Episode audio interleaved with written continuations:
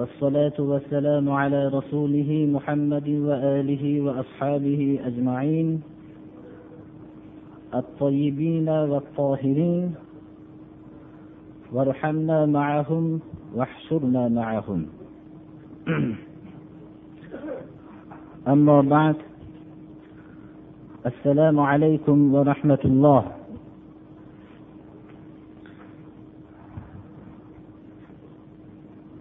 Alloh subhanahu va taolo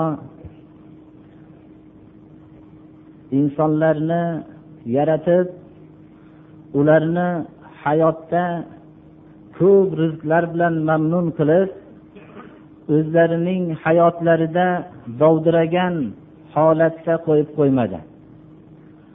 Ularni hayot yo'llarini tanlab olishlikda o'z ixtiyorlariga qo'ymadi. Ular uchun to odam alayhissalomdan tortib oxirgi payg'ambarimiz muhammad alayhissalomgacha doim payg'ambarlarni jo'natib turdi. Bu payg'ambarlar odamlarga alloh subhanahu va taolo tarafidan kelgan vahiyni hech o'zgartirmagan holatlarida biror joyiga yo qo'shib yo olib tashlamagan holatda omonatni to'la o'tashdilar. Payg'ambarimiz sollallohu alayhi vasallam payg'ambarlar ichida oxirgi payg'ambar bo'ldilar. U kishiga alloh subhanahu va taolo qur'onni nozil qildi. Qur'on o'zining ichida to qiyomatgacha bo'lgan bashariyat o'zining hayotidagi uchraydigan mushkulotlarni hammasini hal qildi. Ana shu qur'onni nozil qilishlik bilan qur'on tamom bo'lishligi bilan payg'ambarimiz sollallohu alayhi vasallamning hayotdagi vazifalari tamom bo'ldi. U kishi olamdan rafiqi alo huzuriga ketdilar. U kishidan keyin ashobi ikromlar qoldilar. Ashobi ikromlardan keyin tobeinlar va hamda tobeinlarga ergashgan zotlar qur'ondagi hukmlarni hech qanday o'zlarining xohishlarini qo'shmagan holatlarda ana shu qur'onni buyruqlarini hammasini xalqqa e'lon qilishdilar. Bu qur'onni bildirishlik hadis shariflarni bildirishlik tamomiy islomdagi olimlarning orzulari bo'lib keldi. Chunki bular islom dinini odamlarga o'rgatishlikka haris bo'lishliklariga payg'ambarimiz sollallohu alayhi vasallam ko'p targ'ib qildilar. Shu targ'iblarning jumlasida eng katta mukofotni odamlarga yaxshilikni o'rgatuvchi kishilarga va'da qildilar. Bismillahi rohmanir rohim إن الله وملائكته وأهل السماوات والأرض حتى النملة في جحرها وحتى الحوت في جوف البحر ليصلون على معلم الناس الخير الله سبحانه وتعالى va alloh taoloning tamomiy farishtalari koinoti yerdagi hamma mavjudot hatto inlardagi turgan chumolilar dengiz ichida yashayotgan baliqlar odamlarga yaxshilikni ta'lim beruvchi kishiga doim rahmatlar aytib istig'forlar aytib turishadi. Yaxshilik nima? Faqat bu katta va'da odamlarga yaxshilik ta'lim berayotgan kishiga va'da qilinyapti. Yaxshilik odamlarning o'zlarining tarozisida bo'lgan yaxshilik bo'lmasligi kerak. Agar yaxshilikni aniqlashlikni odamlarning ixtiyorlariga qo'ysa odamlar bironta kishi yomonlik qilayotganligini hayotda davo qilmagan bo'lardi. Hech bir eshitganmisiz men odamlarga yomonlik qilyapman hozir degan odamni. Hamma odamlar o'zlarining tarozisi bilan o'lchab odamlarga yaxshilik ta'lim beryapman deb tushuntirishadilar. Hatto odamlarga zarar yetkazayotgan kishilar odamlarning gumroh bo'lishliklariga sabab bo'layotgan kishilar ham odamlarga biz yaxshilik qilyapmiz deb davo qilishadilar. Hatto kechalarda odamlarning uyini tintuv qilib o'g'irlik qilayotgan kishilar ham odamlar biz shirin uyquda dam olishayotgan vaqtlarda biz bedor bo'lib kechasi uxlamasdan qiynalib pul topyapmiz. Nima uchun bizni topgan pulimiz harom bo'ladi deyishyaptilar. Agar odamlarning yaxshilik bilan yomonlikni ixtiyorini aniqlashlik odamlarga topshirilganda hamma odamlar o'zlarini yaxshilik o'rgatyapman deb davo qilishgan bo'lardilar. Shuning uchun alloh subhana va taolo yaxshilikni aniqlab beruvchi o'lchovni yomonlikni aniqlab beruvchi o'lchovni odamlarning ixtiyoriga qo'ymadi. Alloh subhana va taolo shariati islomiyani tarozi qilib jo'natdi. Ana shu har bir kishi o'zining qilayotgan amalini shariati islomiya tarozisida o'lchab ko'radi. Agar shariati islomiya uni yaxshilik desa odamlar yer yuzidagi odamlar hammasi yomonlik bu desa ham yaxshilik bo'laveradi. Agar shariati islomiyada ko'rsatilgan narsa yomonlik bo'lsa u odamlar hammasi yaxshilik desa ham yomonlik bo'ladi. Bu islom bir narsani yomon deb ko'rsatgan narsa odamlar fikrida yaxshilik bo'lsa ham baribir u narsa yomon bo'laveradi ana shu narsa. Shuning uchun biz shariati islomiyaga har bir amalimizni taqqoslashimiz kerak. Shariati islomiyaning asosi qur'on va hadis. Qur'oni hadisni istinbot qilib chiqarilgan mushtahid ulamolarning fikri. Mana shu narsaga taqqoslagan qiyos mana shu narsalar bizni shariati islomiyaning asosi. Payg'ambarimiz sollallohu alayhi vasallam yuz mingdan ko'p jamoa to'plangan hajjatul vadoda o'zlari xalqlar bilan vidolashdilar shu hajlarda ey odamlar mendan sizlar kerakli narsalarni eshitdinglar mumkinki meni mana shu o'rinda yana yilga topa olmasanglar kerak dedilar ana shunda hammaga ko'p kerakli nasihatlarni qildilar nasihatlarning ichida bismillahi rohmanir rohim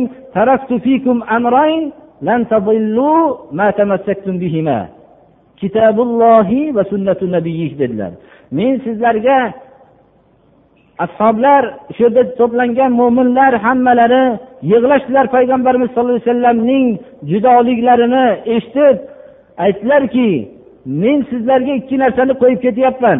Mabodo shuni mahkam ishlasanglar mendan keyin hargiz adashmaysizlar dedilar. U ollohning kitobi va payg'ambarining sunnati dedilar mana. Ana shu narsaga biz mana shunday o'zgarmas komil bir hech qanday havoyi nafs aralasha olmaydigan o'lchovni qo'yib ketdilar.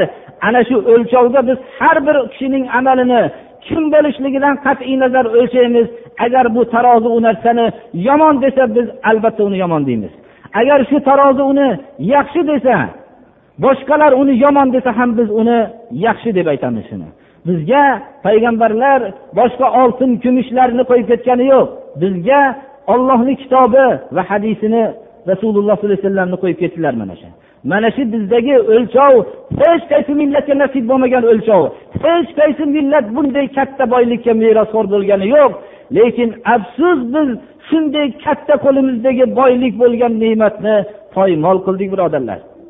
O'zimizning amallarimizni ana shu qur'oni hadis asosida o'lchamadik. Hayodagi odamlar tarafidan to'qilib olgan narsalar bilan o'lchadik. Ana shu narsalarni biz yaxshi devdik agarchi qur'oni hadis bu narsani yomon desa ham. Mana shu bizning ayni badbaxt bo'lishligimiz bizning hamma millatdan orqada qolishligimiz bizning baxtsizligimizning kelib chiqqan joyi mana shu yerga joylashgan birodarlar. Agar biz o'zimizni ta'lim to'g'rilashlik uchun yana baxt saodatga bobo kalonlarimiz erishgan baxt saodatga erishmoqlik uchun ana shu qur'oni hadisga qaytmoqligimiz kerak. Ulamolarimiz mushtahidlar chiqargan shu ishtihodlarga qaytishimiz kerak.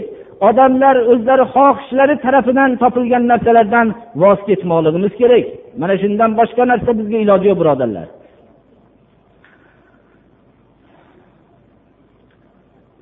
Tarixda doim odamlarni gumroh qilgan kishilar ham odamlarga yaxshilikni o'rgatdim deb davo qilishib keldilar.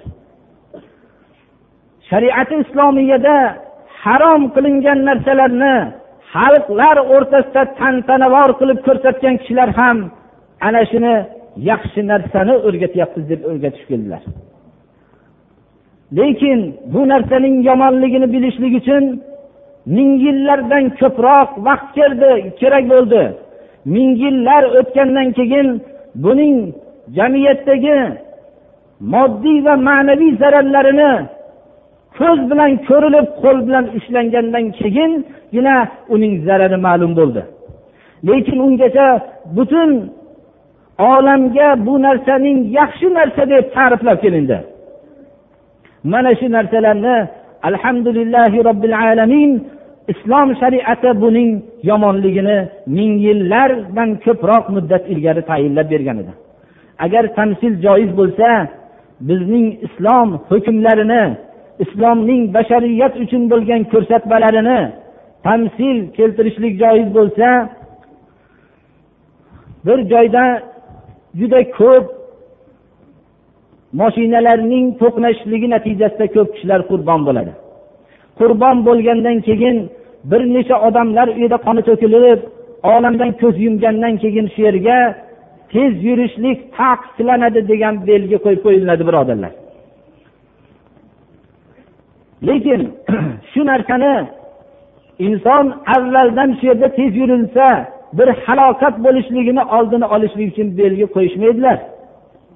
Islom dinining qo'yayotgan belgilari shunday uzoq muddatlarni ko'zlab qo'yilganki agar shu belgilarni rioya qilinmasdan o'tilganda insoniyatning moddiy va ma'naviy tarafdan halokatga uchrashligini oldini olib qo'yilgan belgilar islomda ko'rsatilgan narsalar. Islom uni halok bo'lgandan keyingina belgi qo'ymaydi. Islom uning halok bo'lishligidan bir necha ming yillar ilgari olib alloh subhana va taolo tarafidan ana shu yerga shuni tez yurishlik bu narsani qilishlik mumkin emas taqiqlanadi deb belgilar qo'yib qo'ygan. Ana shu belgilar go'yoki alloh subhana va taolo tarafiga ketayotgan yo'l bu. Bu yo'ldagi belgilarni rioya qilmagan odamning albatta yo'lda halok bo'lib manzilga yetmasligi aniq birodarlardan shuning uchun yaxshilikni odamlarga ta'lim bergan kishilar safiga qo'shilmoqchi bo'lgan kishilar koinotu yerdagi jonlik mavjudotning rahmatiyu istig'foriga sazovor bo'lmoqchi kishilar yerdagi chumolilarning inida turib ham istig'fori rahmatiga sazovor bo'lmoqchi kishilar dengizlar ichidagi sonsiz sanoqsiz bo'lgan baliqlarning rahmatu istig'foriga sazovor bo'lishni xohlasalar odamlarga shariati islomiyaiki dunyoda yaxshiliklarning eng ustun afzali bo'lgan shariati islomiyani o'rgatsinlar. Mabodo ularga shunday rahmatlaru istig'forlar kerak bo'lsa. Odamlar qancha qancha pullar sarf qilishadilar. Qancha qancha vaqtlar sarf qilishadilar odamlarning bir marta duolarini olishlik uchun. Lekin bu hozirgi aytilayotgan narsani hech bu rahmatiyu istig'forini taqqoslab bo'lmaydi bulardalar shunaqa katta narsaga erishadi biz ham shu odamlarga yaxshiliklarni o'rgatuvchi kishilarni safiga alloh subhana va taolo bizlarni ham qo'shsin degan umidda mana shu qur'oni karimni eng ulug' yaxshilik bo'lgan qur'oni karimni baqadri hol bir mazmunini so'zlab berishlikni o'zimizga ma'qul topgan edik. Mana yarim porasini ollohni madadi bilan bir agarchi nuqsonli bo'lsa ham qo'limizdan kelganicha shuni mazmunini aytib o'tdik. Agar alloh taolo mana shu qisqacha bo'lgan tafsirni shu mo'min birodarlarimizga ta'sirlantirib shun bilan o'zlarining hayotlaridagi kamchiliklarni to'g'rilab olishgan bo'lsalar alloh subhana va taologa hamdlar bo'lsin deb hamd aytamiz navbatdagi tafsirimiz suratil g'oshiya deb ataladi. G'oshiya qur'onda qiyomat nomi bir necha nomlar bilan tilga olingan. Attoma assoho al haqqo al qoria va hokazo shunga o'xshagan nomlar bilan ana shu suraning holiga munosib qilib nom berilgan bu surada qiyomatning nomi al g'oshiya deb nomlanyapti surani nomi ham shu bilan ataladi. Payg'ambarimiz sollallohu alayhi vasallam makkada turganlarida nozil bo'lgan. Oyatlari yigirma olti oyatni tashkil qiladi.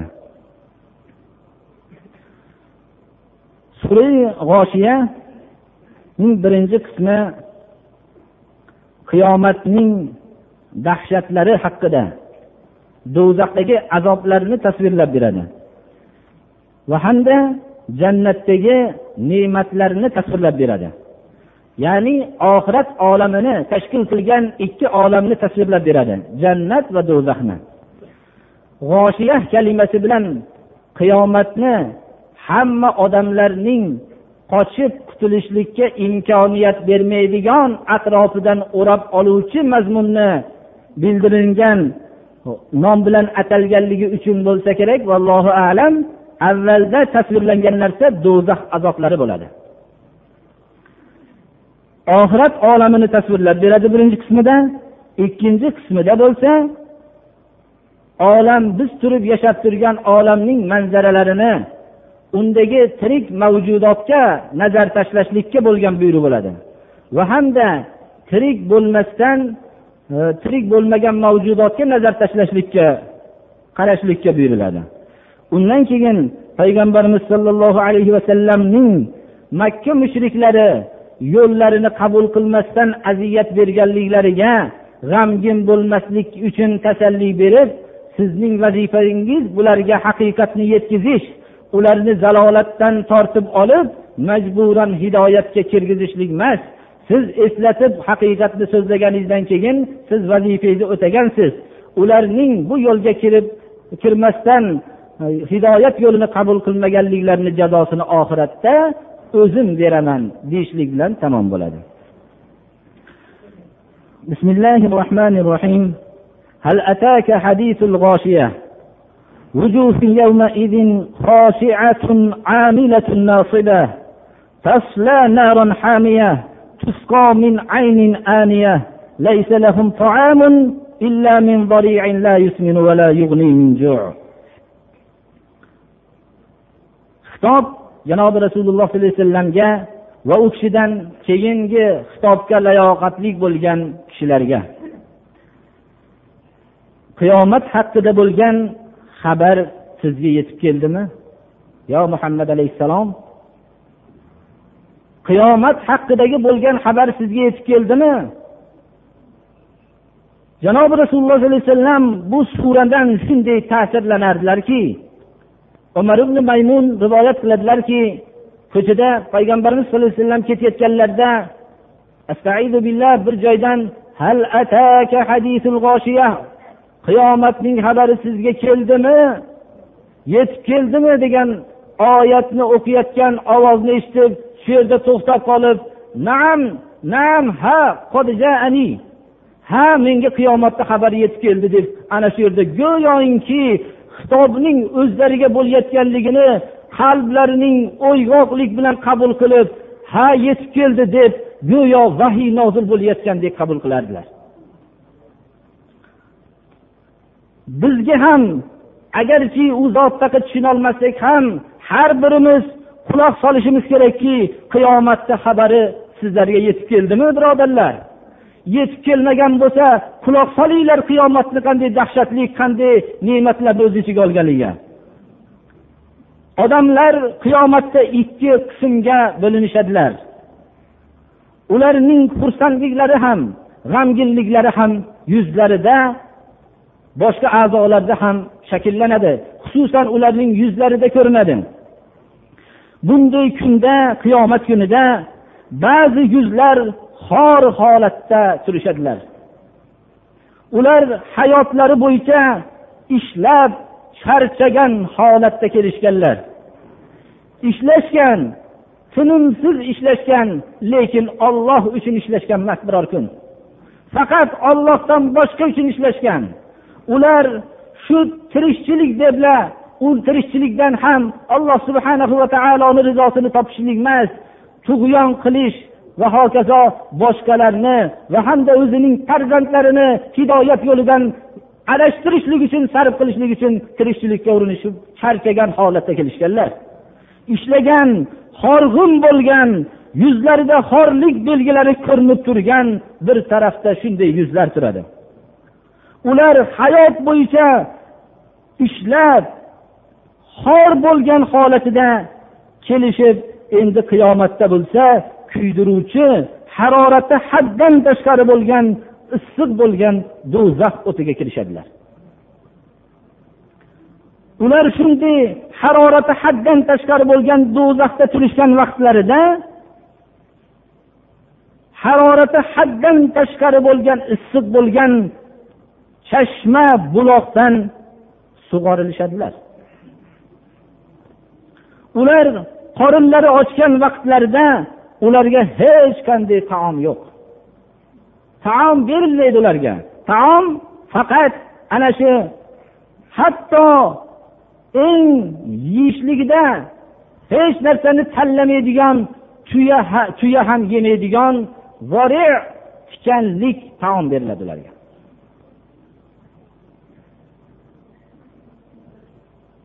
Tikanning shu nabotot o'simligini avvalgi holati shibrik deyiladi. Shibrik degan holatida tuyalar yeydi. Qurib qolgan holatini zori deyiladi. Zori bu tuya qurib qolgandan keyin uni yeyishlikdan voz kechadi. Chunki u zahardan ham achchiqroq bo'lib ketadi ana ana ularga hozirlab qo'yilgan ovqat. Shunda ba'zi rivoyatlarda keladiki makka mushriklari o'simligini ba'zi tuyalariga ko'k holatida yeganligini hisobga olishib janobi rasululloh sollallohu alayhi vasallam tarafidan shu kelgan shu o'qib berilgan oyatni masxara qilishib ha unda tuyalarimiz buni yeb semiradi ochligi ta'minlanadi deyishgan ekan. Shunda shu oyat nozil bo'lgan degan so'zlar ham bor.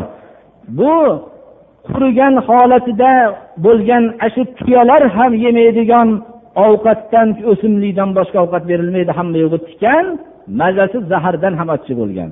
Bo'lib ham bu hech qanday ochlikni ta'minlamaydi va hamda odamni hech ham semirtirmaydi ovqat yeyishlikdan asl maqsad ochlikni ta'minlash va bu mo'mini komillarning xulqlari yemoqligi. Lekin boshqalarning fikri tanavor bo'lishlik tandor bo'lishlik yana ham semirishlik mana shunday maqsad bo'ladi.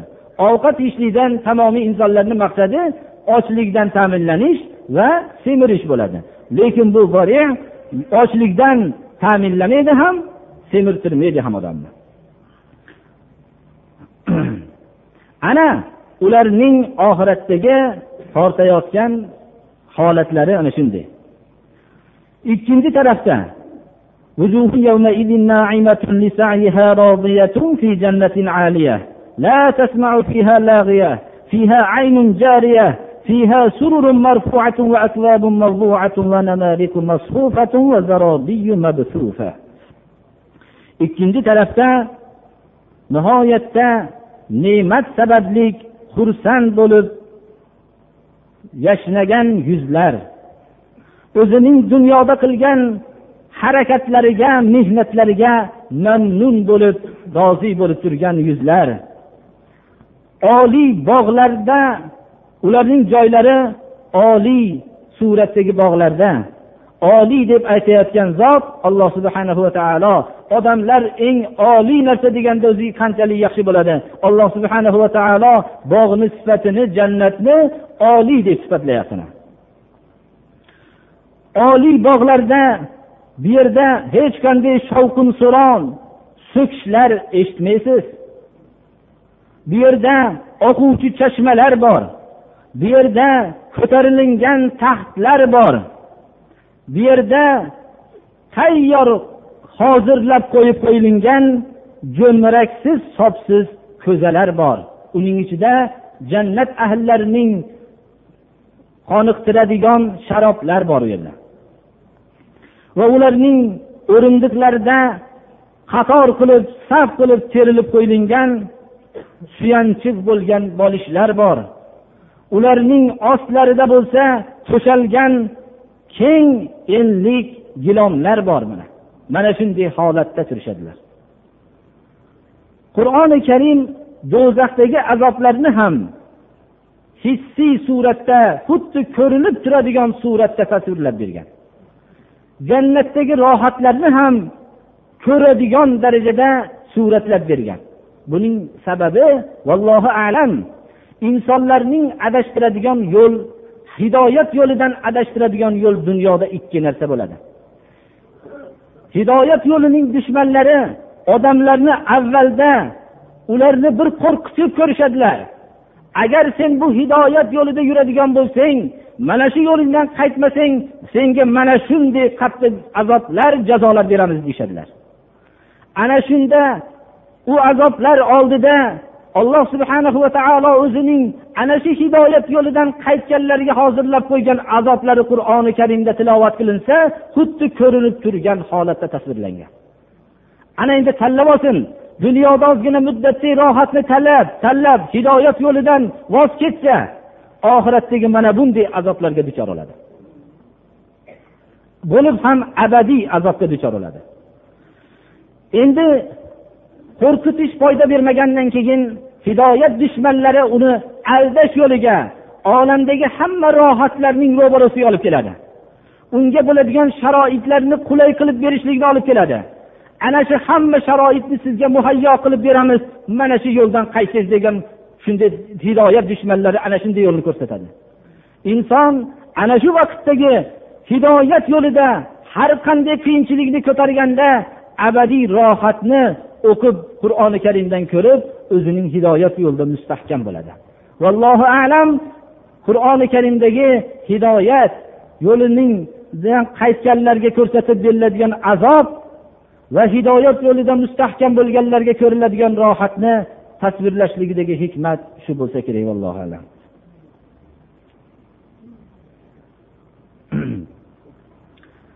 أفلا ينظرون إلى الإبل كيف خلقت وإلى السماء كيف رفعت وإلى الجبال كيف نصبت وإلى الأرض كيف سطحت فذكر إنما أنت مذكر لست عليهم بمسيطر إلا من تولى وكفر فيعذبه الله العذاب الأكبر إن إلينا إيابهم ثم إن علينا حسابهم odamlar oxiratni nima uchun inkor qilishadilar o'lgandan keyingi tirilishlikni nima uchun inkor qilishadilar ollohning qudratiga o'lganlarni tirilishlikka qodir ekanligida shubha qilishadilarmi Ular olamdagi ollohning qudratlarini ko'rishmaydilarmi? Tuyaga bir nazar qilishmaydilarmiki qanday yaratilgan? Qur'on bilan birinchi marta muhotab bo'lgan arab xalqlari tuyadagi ajoyibotlikni ular yaxshi bilishadilar. Arab xalqlarining tuya xususan qur'on nozil bo'lgan vaqtdagi davrida tuya ularning ham eng qulay markablari bo'lishi bilan birga ularning yeydigan va ichadigan o'zlarining bu boyliklari edi. Tuyani terilaridan ular manzillar hozirlashardi. Uning yunlaridan kiyimlar qilishardilar. Tuya birinchi qur'on muhotab bo'lgan kishilarning ajoyib ularning markabi edi. Ana tuyaga qarashmaydimiki qanday yaratilingan? U shunday katta bo'lishiga qaramasdan kichkina bolalar ham yetalab ketishlikda bo'ysunadigan holatda yaratilingan uning juda tashnalik ochlikka uzoq muddatlar sahrolarda yurishlikka shu qulay qilib yaratilingan va bundan boshqa tuyaning yaratilishlikdagi hikmatlarni shu ilm haqida ko'p shug'ullangan kishilar yaxshi bilishadi osmonga nazar qilishmaydimi? Qanday ko'tarilingan? Osmon qanday ko'tarilib turibdi? Osmondagi butun jismlar qanday turibdi? Ularning yerdan katta bo'lgan jismlar fazoda suzib yuribdi. Bular hammasi qanday ko'tarilib ustunsiz bularni qanday qo'yib qo'yilgan? Shuni qarashmaydilarmi? Toqqa nazar tashlashmaydimiki qanday ularni tiklangan? Go'yoki musibat kalimasi rumhun mansub deyiladi ya'ni sanchilib qo'yilgan nayza degandek. Go'yoki tog'lar yerga bir sanchilib tiklanib qo'yilgan. Qur'oni karimda keladi vatad deb arab tilida qoziqni aytadi. Arab tilida bir narsani vatad deb atalishligi uchun qoziqni ko'proq qismi yerni ichiga kirib ketgan bo'lsa ozroq qismi tepada bo'lsa shuni vatad deydi. Qur'oni karimda tog'ni vatad deb nomlanishligidagi hikmat mana hozirgi olimlar aytishmoqdalarki tog'larning yuqori qismidan ko'ra yerning ostiga kirgan qismi ko'proqni tashkil qilishadi demoqdalar.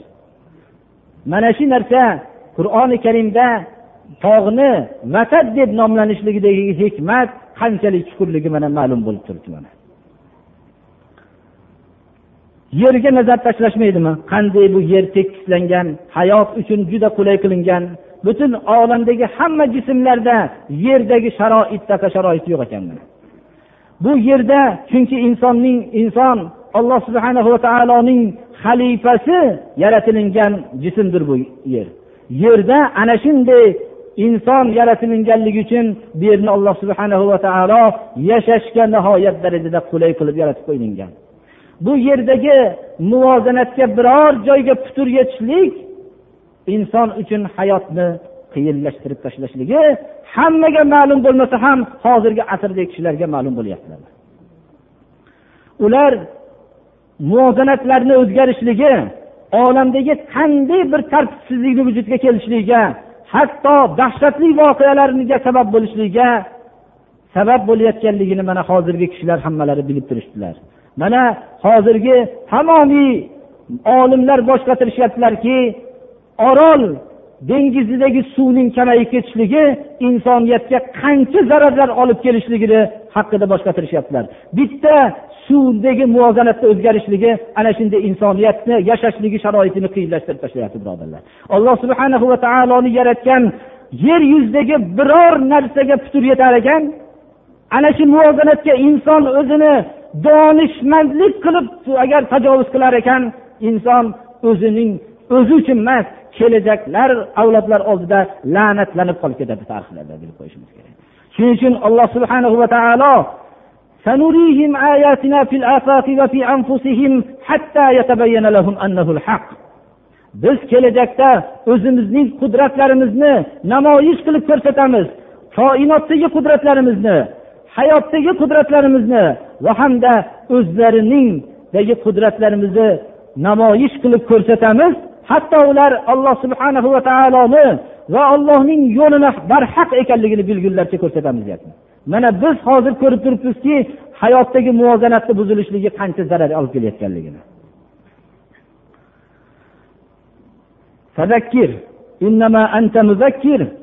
Ey muhammad alayhissalom siz makka mushriklarining sizni yo'lingizga qarshi chiqib sizni yo'lingizni qabul qilmasdan sizga va sizga ergashganlarga aziyat berayotganlariga va qabul qilmayotganligiga g'amgin bo'lmang. Siz alloh subhana va taoloning yo'lini hammaga eslating. Sizning vazifangiz eslatuvchisiz siz eslatishlikdan boshqa emas. Sizning vazifangiz da'vatni yetkazish ularning ustida hukmronmassiz deyapti alloh taolo payg'ambarimiz sallallohu alayhi vasallam.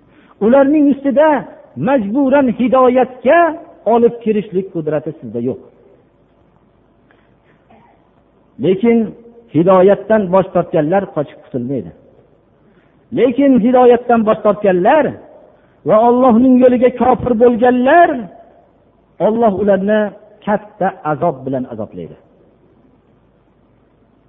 Ular qochib qutulishmaydilar. Albatta ularning qaytadigan qaytmoqliklari bizni tarafimizga bo'ladi deydi alloh taolo. Keyin ularni hisob qilishlik bizni zimmamizdagi narsa. Ularni hamma amallarini hammasini hisob qilamiz. Hidoyat yo'lidan bosh tortgan kishilarni azoblari haqida mana hadis shariflarda shunday borki payg'ambarimiz sallallohu alayhi vasallam aytdilarki إن أهون أهل النار عذابا يوم القيامة لرجل يوضع في أخمص قدميه حجرتان يغلي منهما دماغه ما يرى أن أحدا شر منه عذابا وإنه لأهونهم عذابا do'zaxlarning eng yengil qiyomat kuni azoblanuvchisi oyog'ining ostidagi chuqurchog'ini chuqurchog'iga o'tdan bo'lgan ikkita tosh qo'yiladigan odamdir. Bu toshning issiqligi natijasida uning miyasi qaynab turadi. U o'ylaydiki hozir mendan ko'ra qattiq azoblanayotgan odam bo'lmasa kerak deb o'ylaydi. Lekin u eng yengil azoblanayotgan odam o'zi mana alloh taolo bu azob eng yengili hidoyatdan bosh tortganlar ollohni yo'liga kofir bo'lganlarni katta azob bilan azoblaydi. Bu hozirgi aytgan azob yengil azobdir mana birodarlar.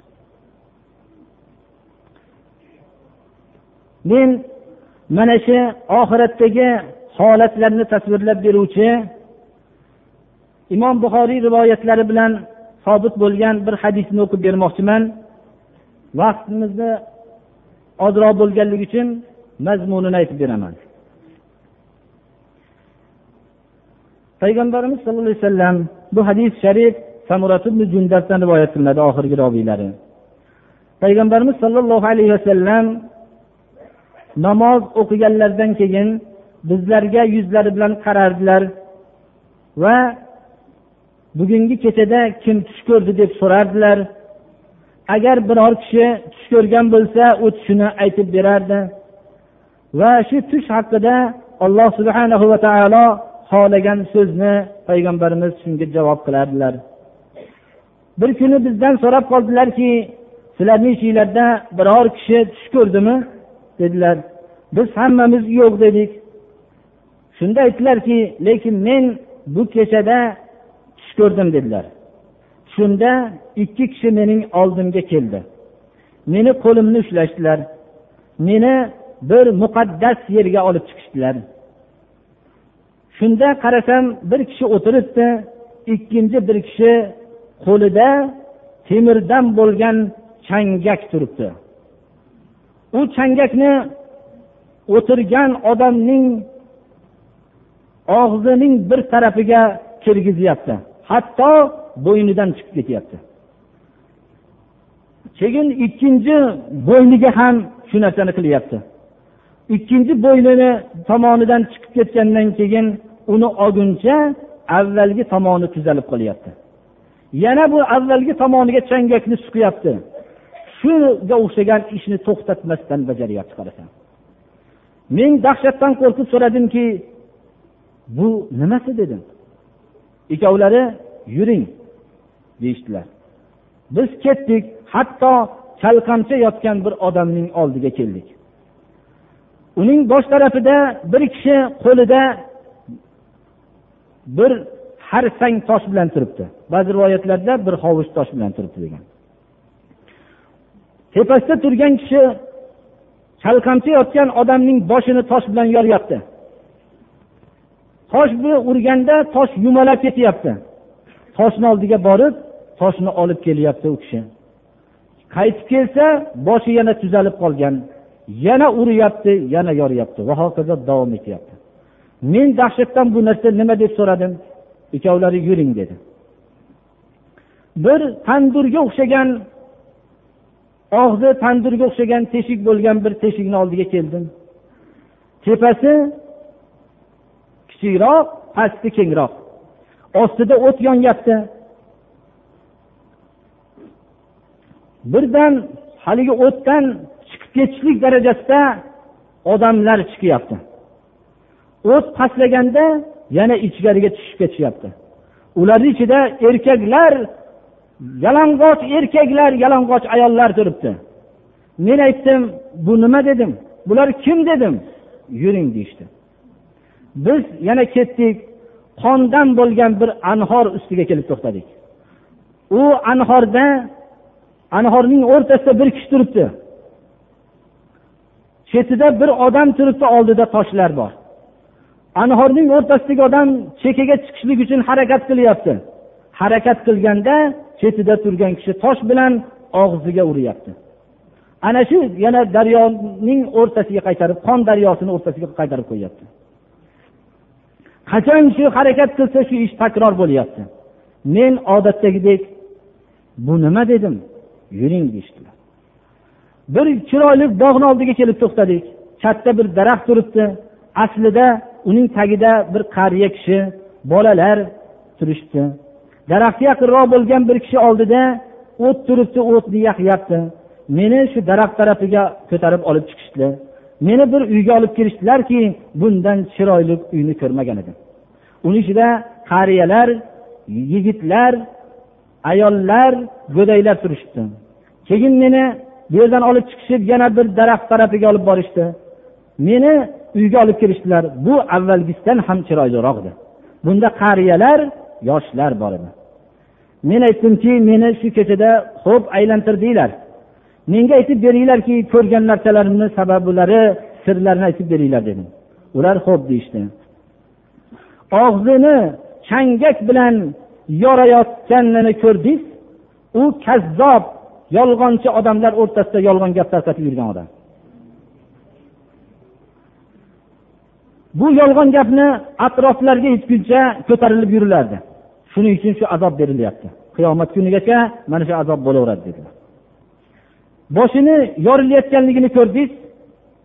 Bu odam alloh subhanahu va taolo qur'on bildirgan odam. Qur'ondan beparvo bo'lib kechalarda uxlab yotgan odam mana shunda kunduzida qur'onga amal qilmasdan qur'onga zid amallarni qilib yurgan odam mana shu odam shu boshi yorilayotgan odam shu dedilar.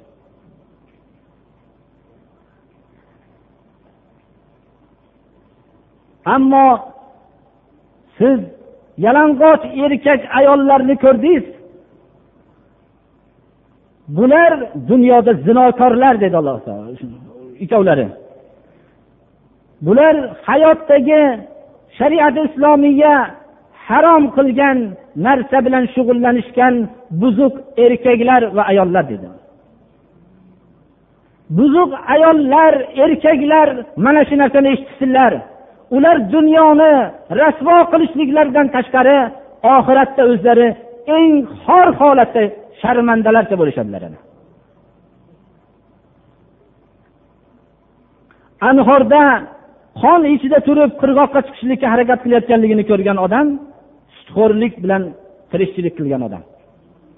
Pulni foydaga bergan odam mana shu odam daraxt aslida turgan qariya kishini ko'rdingiz chiroyli go'zal uyga kirib bu ibrohim alayhissalom.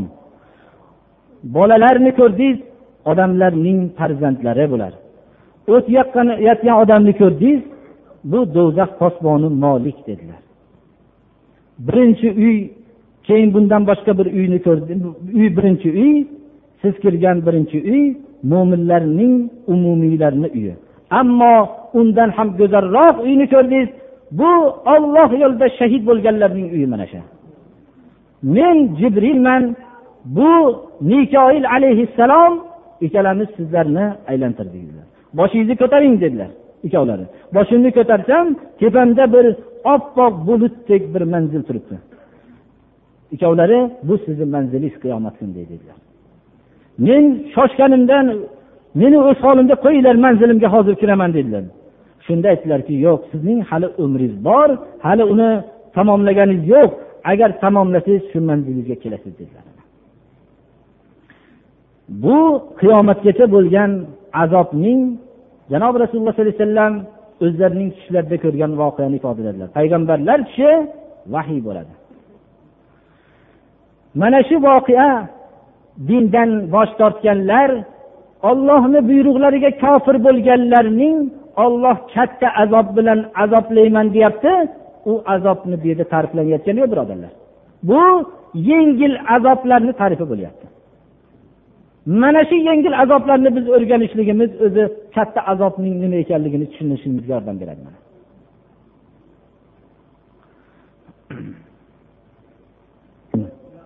اللهم تقبل منا إنك أنت السميع العليم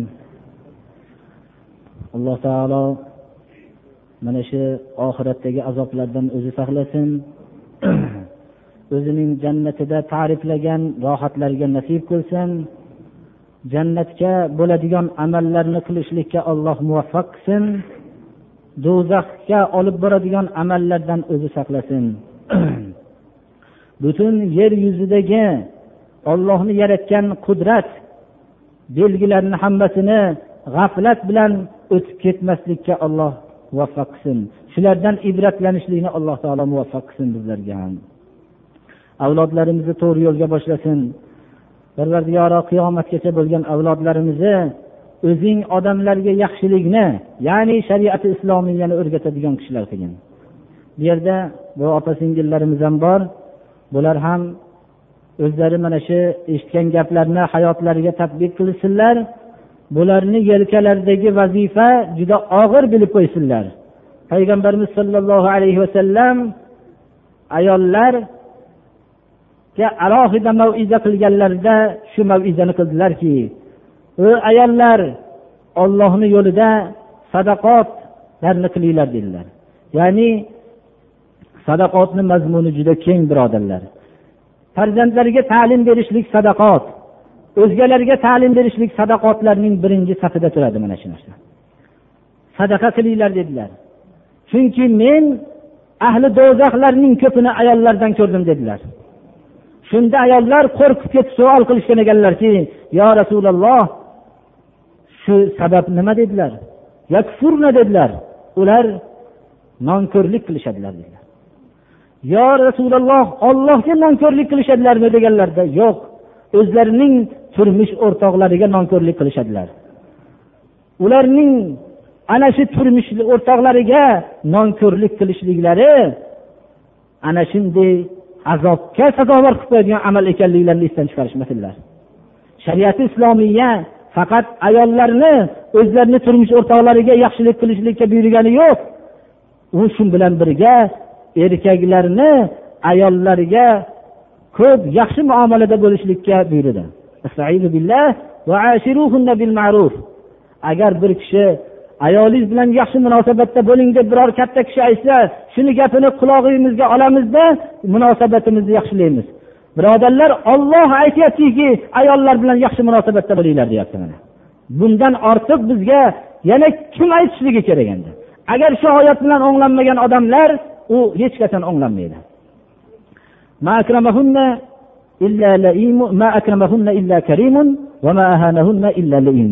Ayollarni hurmatlovchi kishilar ulug' kishilargina hurmatlaydi. Ayollarni xorlovchilar laim xor odamlar xorlaydi. Bizlarning ikkala tarafga ham shunday buyruqlarni berdilar mana. Mana shu narsani hammamizni esimizda bo'lsin. Xususan ko'proq mana hammalarimiz mana shu o'zimiznidek belgilangan vazifalarni o'rnida o'tashimiz kerak. shunda oilada o'sayotgan farzandlar komil jismonan ham ruhan ham komil bo'lib o'sishadilar alloh subhanahu va taolo hamma hududlarni rioya qilishlikka alloh muvaffaq qilsin